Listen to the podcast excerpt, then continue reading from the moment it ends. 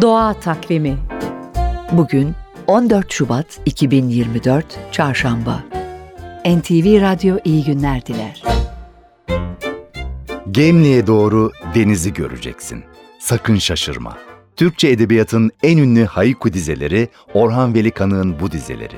Haiku, Japonların geleneksel şiir türü.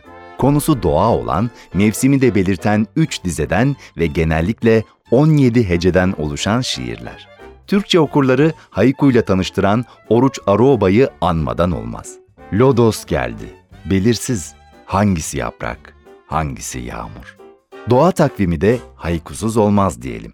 Sabah pencereyi açtığınızda, gece gökyüzüne bakarken ya da doğa gezilerindeki gözlemlerinizle haiku yazmayı deneyebilirsiniz. Doğa Takvimi